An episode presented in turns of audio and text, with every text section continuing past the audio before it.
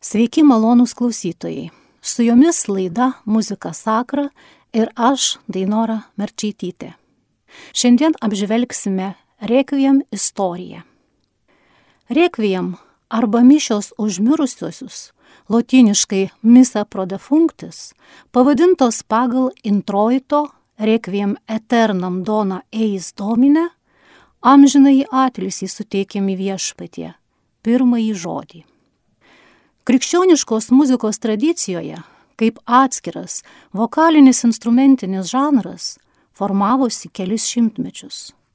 Jo ištakos prasideda viduramžių grigališkojo choralo giesmėse, kurios buvo gėdamos gedulingų apieigų metu. Tridento susirinkimas, vykęs XVI amžiuje, suvienodino visai katalikų bažnyčiai skirtą giesmių repertuarą, nustatant gedulingoms mišioms privalomas giesmes. Kaip viena iš dalių mišiose atsirado sekvencija Dijas Ire.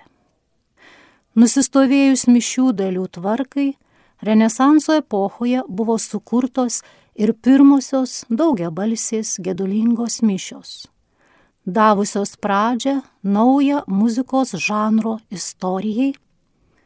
Ir verta pažymėti, kad rekviem žanras muzikoje atsirado gerokai vėliau nei ordinarium mišių, sukurtų jau XIV amžiuje. Pirmuoju polifoninių gedulingų mišių kuriejų laikomas XV amžiaus franko flamandų kompozitorius Johannesas Okejemas. Renesanso kompozitoriai, kurdami muziką mišioms, į daugiabalsį muzikos audinį pindavo ir grigališkojo choralo melodiją, taip parodydami bažnyčios tradicijų testinumą. Iki 1600 metų sukurti rekviem dažniausiai atliekami be instrumentų pritarimo.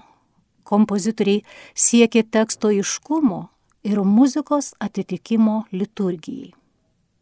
Paklausykime XVI amžiaus ispanų kompozitoriaus Tomo Luis de Victoria Requiem introito.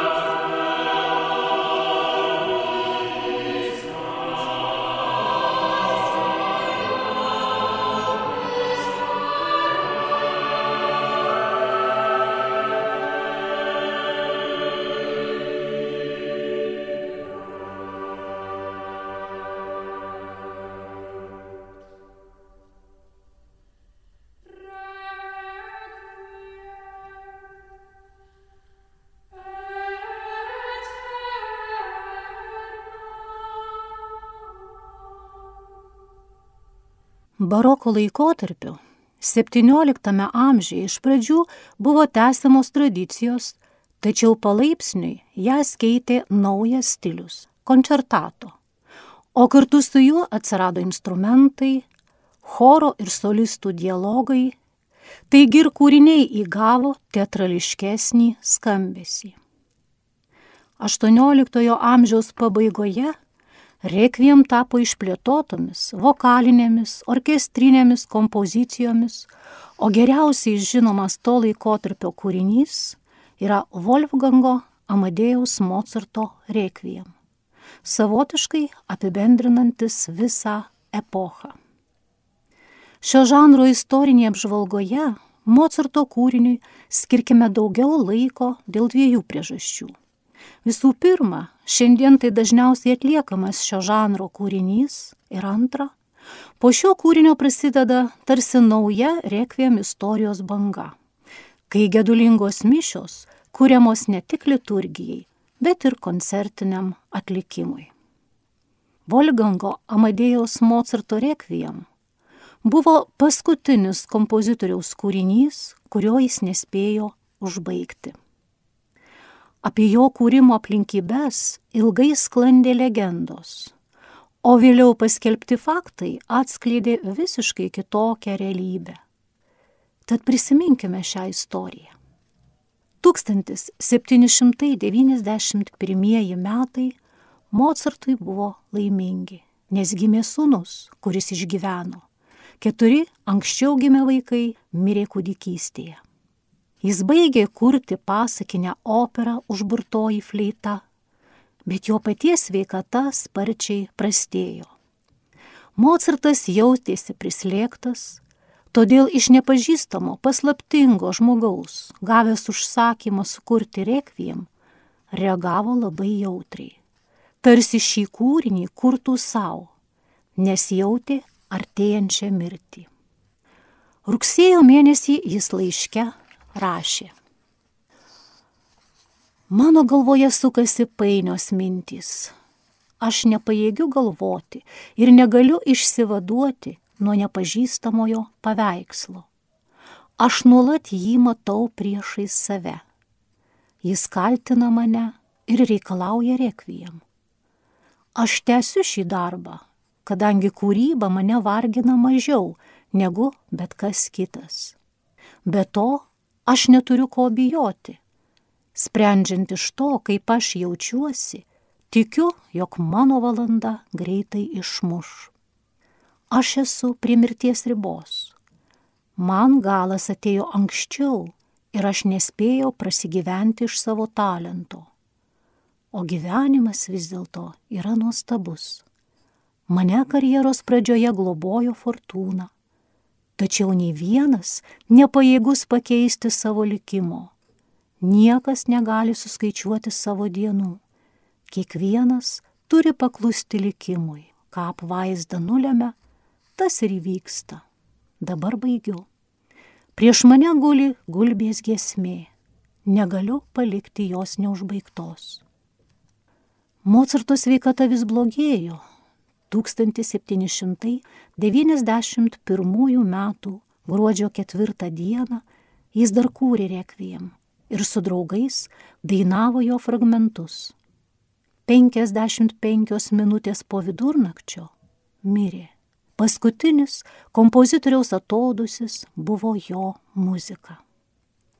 Tik po Mozarto mirties paaiškėjo kūrinio užsakymo paslaptis savo pasiuntinį pas kompozitorių atsiuntė grafas Francas von Valzekas, kuris norėjo rekviem atlikti kaip savo sukurtą kūrinį per žmonos mirties metinės. 1792 metais rekviem užbaigė Mozarto mokinys Francas Ksaveras Ziusmairis. Paskutinieji rekviem partitūroje Mozarto ranka užrašyti aštuoni taktai, pradedantis lakrimozą dalį. Ašaringa toji diena, kurią prisikels iš pelenų kaltas žmogus, kad teisiamas būtų.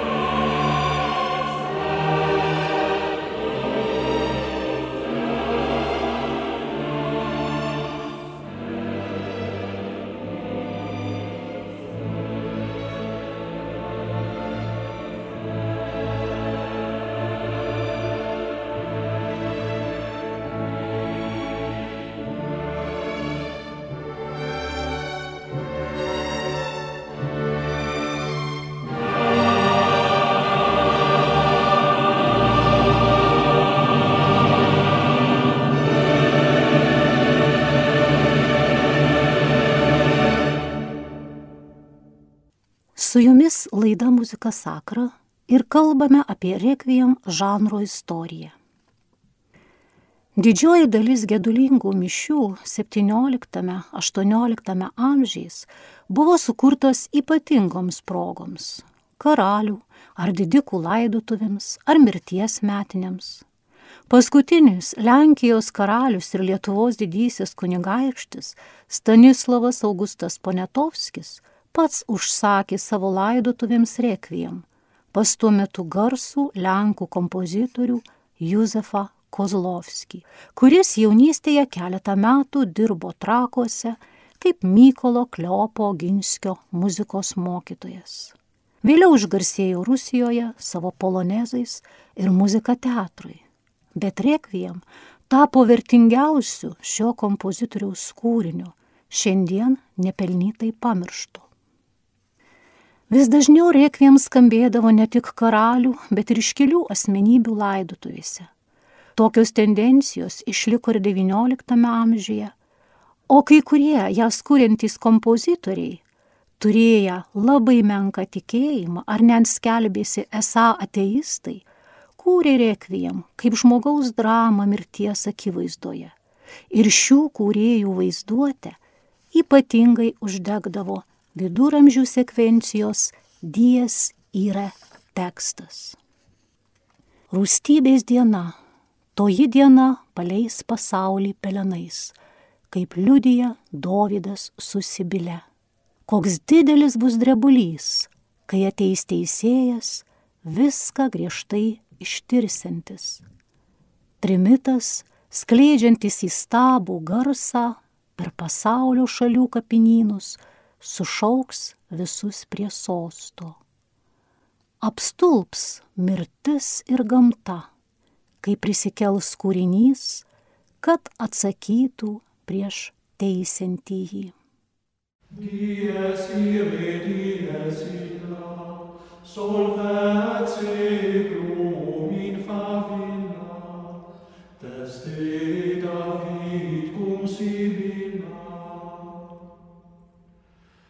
quantus tremores futurum, quando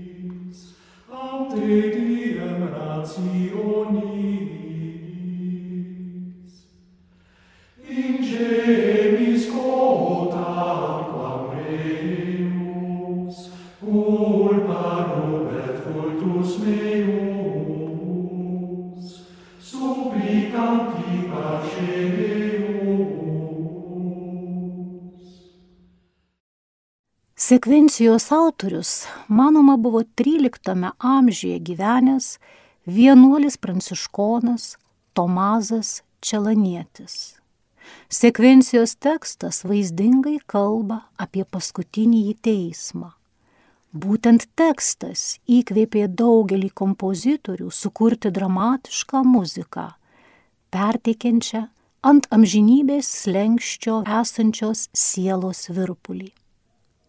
XIX amžiuje šios sekvencijos melodiją kompozitoriai pradėjo naudoti instrumentiniuose kūriniuose kaip mirties simbolį. Apie tai byloja patys kūrinių pavadinimai. Pavyzdžiui, Ferenco Listo mirties šokis fortepijonui, Sergejos Rachmaninovo simfoninis paveikslas mirusiųjų sala ir dar daug panašių kūrinių. Ši tendencija jaučiama ir moderniame amžiuje, kai dies yra motyvas skamba filmo garso takeliuose, žiūrovus tarsi įspėdamas apie būsimą mirties sceną. Bet grįžkime į XIX amžių ir prisiminkime garsaus italų kompozitoriaus Giuseppės Verdžio rekviem, kuris savo dramatizmu ir ekspresija mažai skiriasi nuo jo operų muzikos ir puikiai iliustruoja šio žanro virsmą koncertiniu kūriniu. 1873 metais kompozitorius sužinojo apie italų rašytojo, novelisto Aleksandro Manzoni mirtį. Šiuo žmogumi Verdis žavėjosi visą savo gyvenimą ir jo atminimui sukūrė rekviem.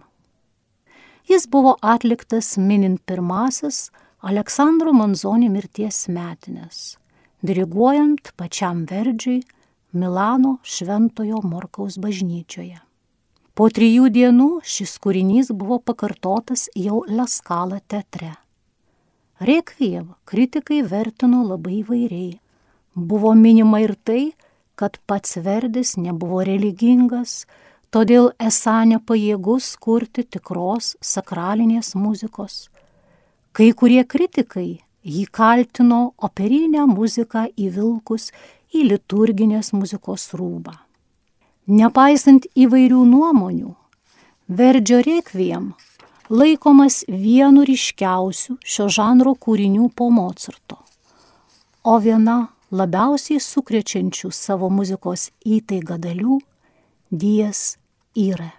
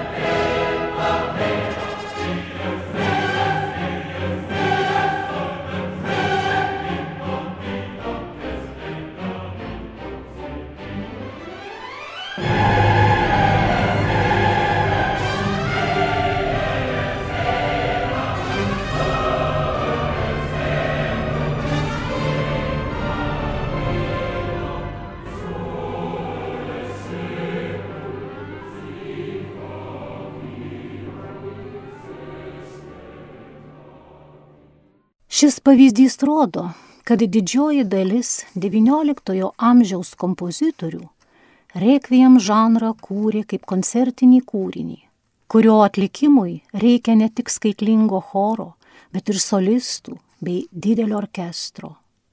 Kai kurie jų laisvai interpretuodavo lotynišką tekstą, kaip tai darė ir Giuseppe Verdis, arba atsisakydavo tradicinio teksto, kaip vokiečių kompozitorius Johannesas Bramsas, pasirinkęs tekstą iš Biblijos vokiečių kalba.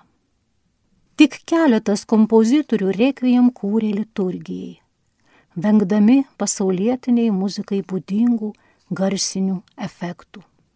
Čia verta paminėti austrų kompozitorių Antoną Bruknerį ir vengrą Ferencą Listą. Būtent šio kompozitoriaus rekviem kelia nuostabą savo gilę rimtimi.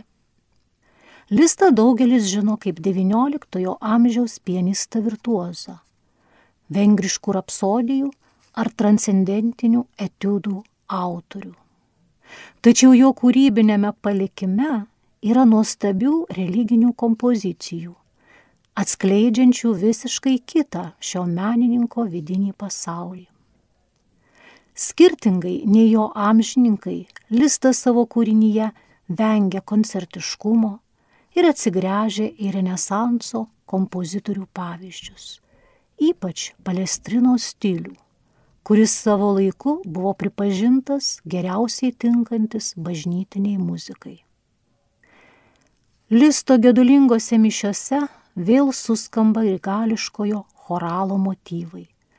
Ir nors kompozitorius paiso šio žanro ir liturgijos tradicijų, rekvijimų muzika neįtikėtinai moderni, netgi lyginant su kai kuriais jo kūriniais.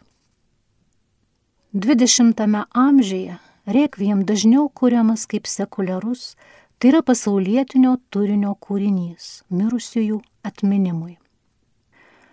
Kompozitoriai nutolsta nuo liturgijos ir bažnyčios tradicijos, o kai kurie autoriai netgi pabrėžė savo kūrinio antireliginį turinį, kaip tai padarė 20-ojo amžiaus pradžioje anglų kompozitorius Frederikas Delijus, save laikęs ateistu. Kurdamas rekviem teksto idėjas, jis ėmė iš Frederiko Nyčės ir Artūro Šopenhauerio filosofijos. Vokiečių kompozitorius Paulius Hindemitas savo kūrinį pavadino Rekviem tiems, kuriuos mes mylime ir pasirinko Amerikos poeto Volto Vitmano to paties pavadinimo poemą. Anglas Benjaminas Britenas sukūrė karo rekviem, panaudodamas poeto Vilfredo Auveno tekstą. Modernios muzikos kūrėjas, vengras Diordis Ligetis, sukūrė rekviem inspiruotą savo paties jaunystės metų išgyvenimų, artimųjų netekties Aušvico koncentracijos stovykloje. Kaip pats kompozitorius sakė, jo muzika atspindi ilgą laiką praleistą mirties šešėlyje. O šį kūrinį išgarsino Stanley Kubrickas savo 1968 m. filme 2001 Kosminė Odisėja. Garso takelėje panaudoja skyriją dalies fragmentą.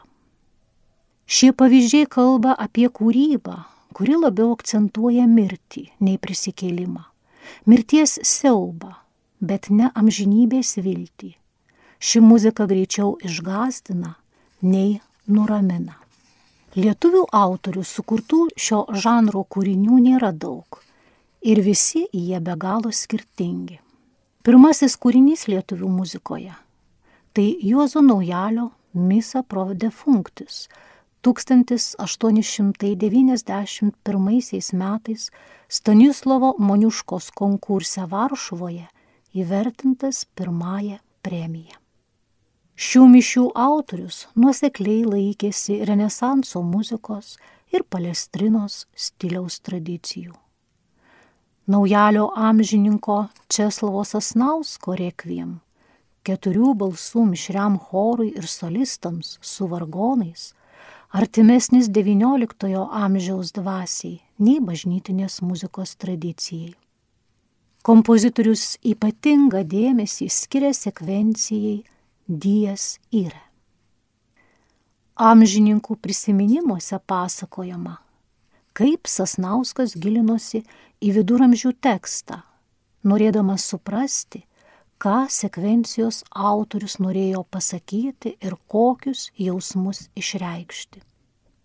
Česlovos Sasnausko sukurta muzika tekstui Dies yra - tai dramatiškas muzikinis paveikslas Kompozitorius Aleksandras Kačianauskas tai pavadino garsų tapyba.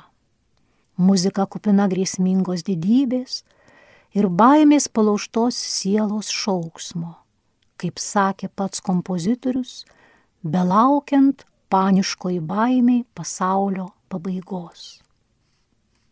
Pirmą kartą reikviem nuskambėjo pamaldose Peterburgė Šventos Kotrinos bažnyčioje kurioje Sasnauskas tuo metu dirbo.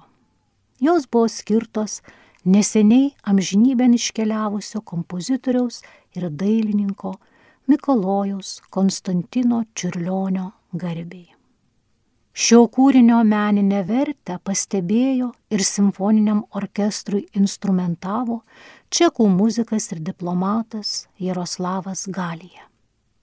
1936 metais Sasnausko rekvijam Gailevičiaus instrumentuotas buvo atliktas Kaune. Po ilgokos pauzės rekviem žanras į lietuvių kompozitorių akiratį sugrįžo jau 20-ojo amžiaus pabaigoje.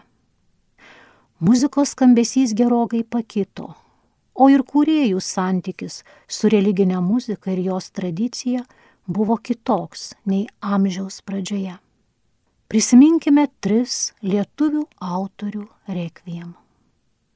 Vienas pirmųjų religinę muziką dar sovietinės sistemos metais pradėjo kurti kompozitorius Vidmantas Bartulis. 1989 metais, birželio 14 dieną įvyko jo rekviem premjera Vilniaus universiteto kieme. Autorius partitūroje įrašė už laisvę žuvusiesiems. Tad kūrinio idėja ir meninė raiška buvo siejama su istorinės atminties žadinimu, savo monumentaliu muzikos skambesiu, didžiuliu atlikėjų sudėtimi, kūrinio atlikimas orientuotas į koncertinės erdves ir gerokai nutolęs nuo tradicinės žanro sampratos. Osvaldo Balakausko 1995 metais sukurtas reikviem in memoriam Stasys Lozoraitis buvo skirtas diplomato Stasio Lozoraičio atminimui. Šiame kūrinyje kompozitorius atsigręžė į viduramžių liturginės muzikos tradiciją grigališką į choralą, organumą ar snovą motetus, nors ir nesilaiko kanoninės gedulingųjų mišių struktūros. Jis senamadiškesnis net už palestriną, taip kartą apibūdino savo rekviem kompozitorius. Prieš penketą metų vėlinių savaitėje nuskambėjo Zitos Bružaitės rekviem. Kaip sakė autorė, Kūrinyje 50 procentų tenka tradicijai su choralo in paradizum ar dies yra intonacijų atgarsiais ir kita tiek asmeniniam požiūriui į tradiciją, kūrybiniai laisviai. Autorė savo kūryboje dažnai idėjų ieško viduramžių epochoje ir, kaip jis sako, perskaitytas sekvencijos tekstas paliko tokį ryškų įspūdį, kad galėčiau teikti, jog tai buvo mano pirmasis susidūrimas su viduramžių pasaulėjauta. Ir tai mane ilgam panardino į šios epochos gelmes. Šiame reikviem kompozitoriai skleidžia daugiau šviesos ir vilties, linkėdama ir jos kūrinio klausantiems mąstyti apie mirtį kaip slengsti į amžinybę. Laidą Muzika Sakra skirtą muzikai ne apie mirtį, bet apie amžinai gyvenimą. Baigsime Tomo Luis de Victoria Requiem ištrauką. Liuks eterna, liucet eis domine. Amžinoji šviesa jiems te šviečia viešpatė.